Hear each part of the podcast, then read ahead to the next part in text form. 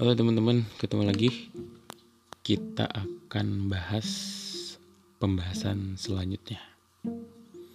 Oke, di pembahasan kali ini kita akan membahas tentang otentisitas. Mari kita mulai. Bagaimana cara agar kita bisa hidup secara otentik? Pertanyaan ini sebenarnya secara implisit mengandaikan bahwa kita sekarang ini telah hidup tidak otentik. Hidup yang tidak otentik merupakan hidup yang dikelilingi oleh kepalsuan-kepalsuan. Kepalsuan di sini berarti bahwa kita tidak hidup sesuai dengan kedirian kita yang sejati. Bagaimana kita bisa mengenali diri kita yang sejati? Tanyalah pada diri kita sendiri, apakah kita hidup sesuai dengan keinginan orang lain, dan apakah kita terikat dengan kehendak orang lain? Jika jawabannya iya, maka kita tak pernah hidup secara otentik. Di dunia modern, kita sulit untuk tidak didikte oleh suatu hal yang ada di luar kedirian kita. Identitas kita ditentukan oleh apa yang dilekatkan pada diri kita. Trendy apakah pakaian kita, seberapa up to date-kah gaya bahasa kita, dan lain semacamnya. Yang mana semua itu terembuskan dalam satu kalimat, seberapa sesuaikah kita dengan zaman dan orang lain.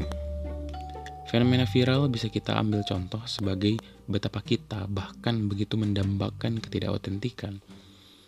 Di balik viralitas itu sebenarnya mewujud sebuah hasrat ingin diakui oleh banyak orang lain. Bahkan rasa-rasanya tanpa pengakuan-pengakuan demikian, kita sebagai manusia seolah-olah luruh eksistensinya. Zaman ini bisa kita anggap sebagai zaman ajang pengakuan, di mana setiap orang ingin untuk tampil dan diakui. Diberi komen, di follow, di reply, dan lain-lain. Orang lain atau masyarakat di dalam konteks itu menentukan siapa kita sepenuhnya, menentukan harus apakah kita, menentukan keinginan, cita-cita, bahkan dimensi paling subtil dalam diri kita, yakni harapan kita. Tapi menariknya, kita benar-benar menginginkan semua itu, menentukan sepenuhnya diri kita sendiri. Namun, mungkinkah kita mencapainya? Jawabannya tentu tidak, karena patokan-patokan agar kita diakui itu mustahil kita capai dan dapatkan. Mengapa? Karena patokan-patokan itu terlalu ideal atau terlalu sempurna. Memenuhi keinginan dan mendapat pengakuan dari seluruh umat manusia adalah mimpi di siang bolong alias mustahil. Meskipun menariknya, semakin tak tercapai atau sulit digapainya idealitas itu, semakin deraslah air liur dari manusia-manusia modern untuk mencapai. Naas, akhirnya di setiap hasrat, keinginan, serta niat untuk mencapai atau menggapai harapan-harapan profan itu, alih-alih memberi kita manfaat, justru malah membawa kita pada sebuah petaka, guncangan identitas, depresi, dan kecemasan berlebihan merupakan efek dari mustahilnya mencapai orientasi-orientasi duniawi manusia modern. Lantas, apa yang mesti kita lakukan? Apakah kita mesti terus-menerus hanyut dalam nestapa manusia modern? Haruskah kita hidup pesimis dengan cara demikian?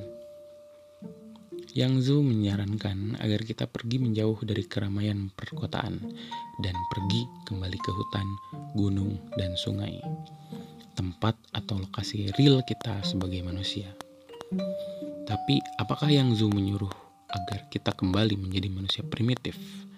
Tentu saja tidak.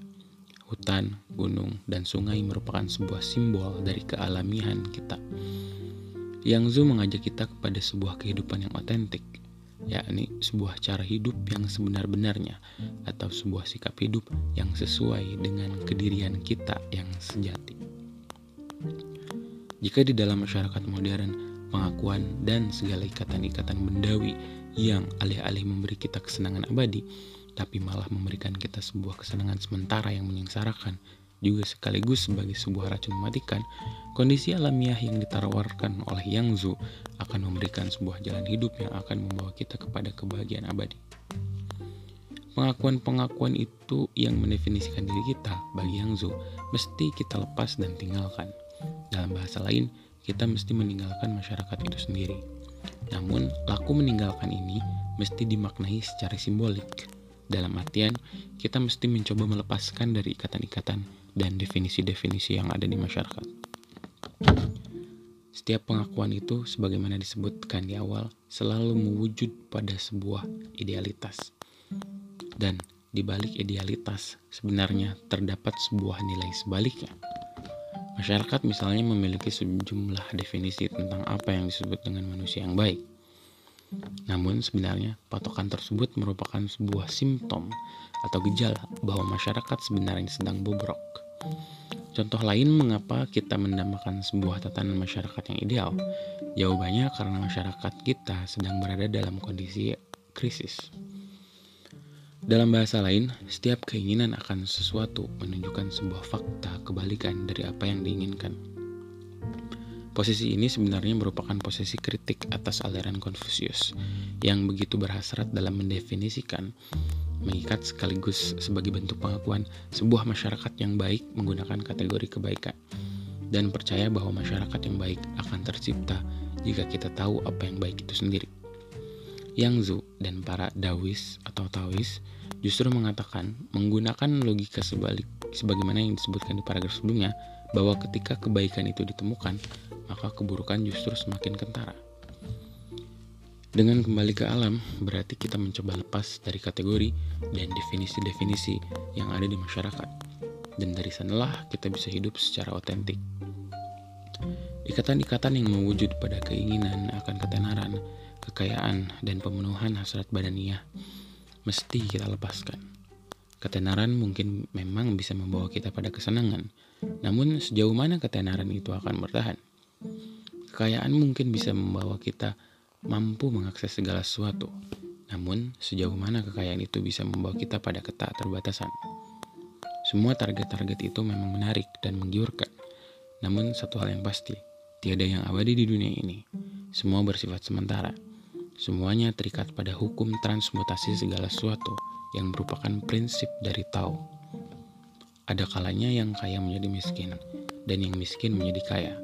Ada kalanya yang tenar menjadi asing, begitu pula yang asing menjadi tenar. Namun, sekali lagi, tak ada posisi yang tetap. Meminjam istilah dari Boetius, tak ada roda yang tak berputar, semuanya bergerak. Pergerakan segala hal inilah yang membawa kita pada kesengsaraan.